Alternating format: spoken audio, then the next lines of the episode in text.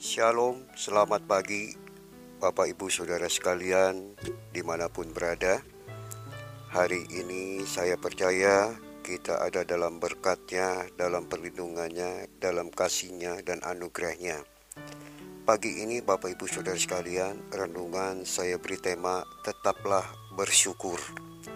Kitabnya Mazmur 118 ayat 28 sampai 29. Allahku, engkau, aku hendak bersyukur kepadamu. Allahku, aku hendak meninggikan engkau. Bersyukurlah kepada Tuhan sebab ia baik. Bahwasanya untuk selama-lamanya kasih setianya. Bapak Ibu Saudara sekalian, ada seorang wanita muda. Wanita ini sangat kaya raya dan wanita ini sangat cinta Tuhan. Wanita ini dikenal sebagai seorang yang murah hati dan tidak memandang status seseorang. Wanita ini sering mengadakan perjalanan ke luar negeri dan membawa koper kosong. Hanya beberapa pakaian saja.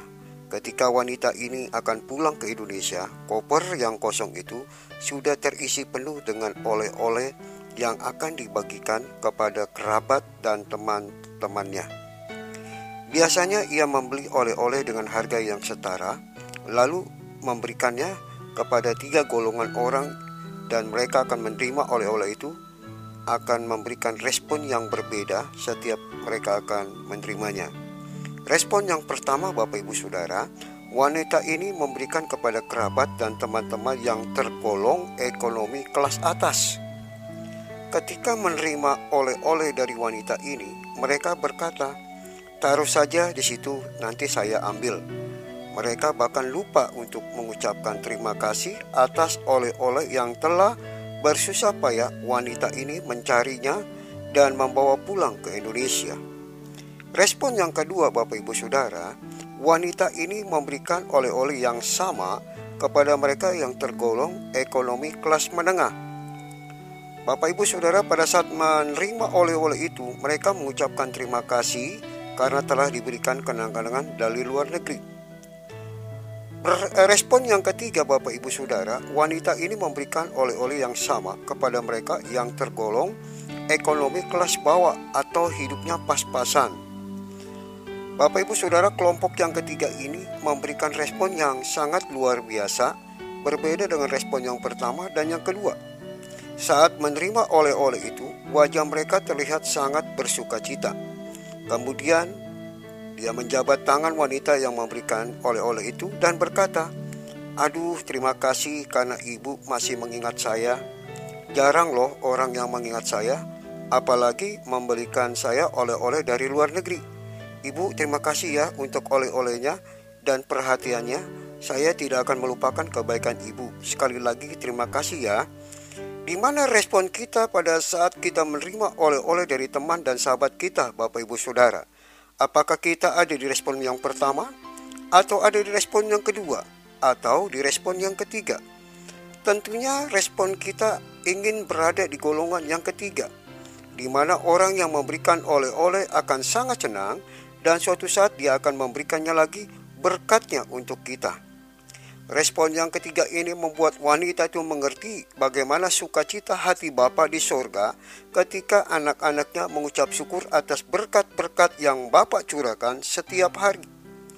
Wanita ini pada kesempatan yang lain ketika ia pergi ke, negeri, eh, ke luar negeri, ia membelikan oleh-oleh dengan harga yang lebih mahal untuk diberikan kepada mereka yang sangat menerima berterima kasih kepadanya dan wanita ini tidak akan memberikan apa pun juga kepada mereka yang tidak meresponi perhatiannya. Bapak Ibu Saudara, Allah mengajarkan kepada kita untuk selalu mengucap syukur atas segala berkat dan segala keadaan yang kita terima. Hari ini, kalau kita menerima berkat, baik banyak maupun sedikit, tetaplah kita mengucap syukur Jangan kita tidak mengucap syukur, sebab Tuhan sudah memberitahukan dalam firman-Nya 1 Tesalonika pasal 5 ayat 18, mengucap syukurlah dalam segala hal, sebab itulah yang dikehendaki Allah di dalam Kristus bagi kamu.